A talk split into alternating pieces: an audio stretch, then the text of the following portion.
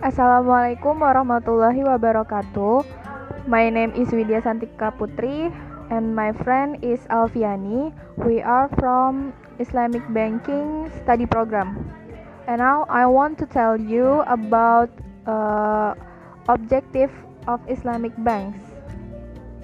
Are for one directing the economic activities of the people to bermuamalah in Islam especially muamalah relate to banking in order to avoid usury practice or types of trade that contain elements of goror. The second, avoiding interest or bank money that is carried out by compensation banks. The third, maintaining government economic or monetary stability. Next, to save the dependence of Muslim on non-Muslim banks or conventional which cause Muslim to be under the authority of the banks. 5.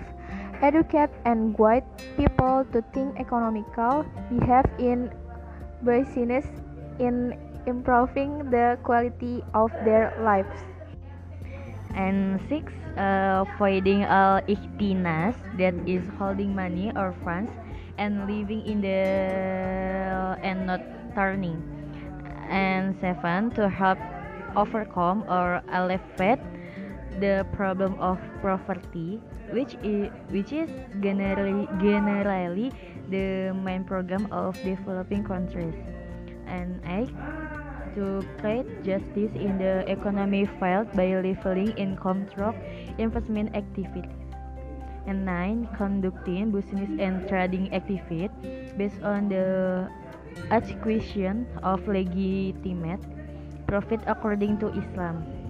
And then, the development of a healthy banking institution and banking system based and banking system based on efficiency and justice will be able to increase public participation. So as to promote the economic efforts of many communities including expanding the network of banking financial institutions. Thank you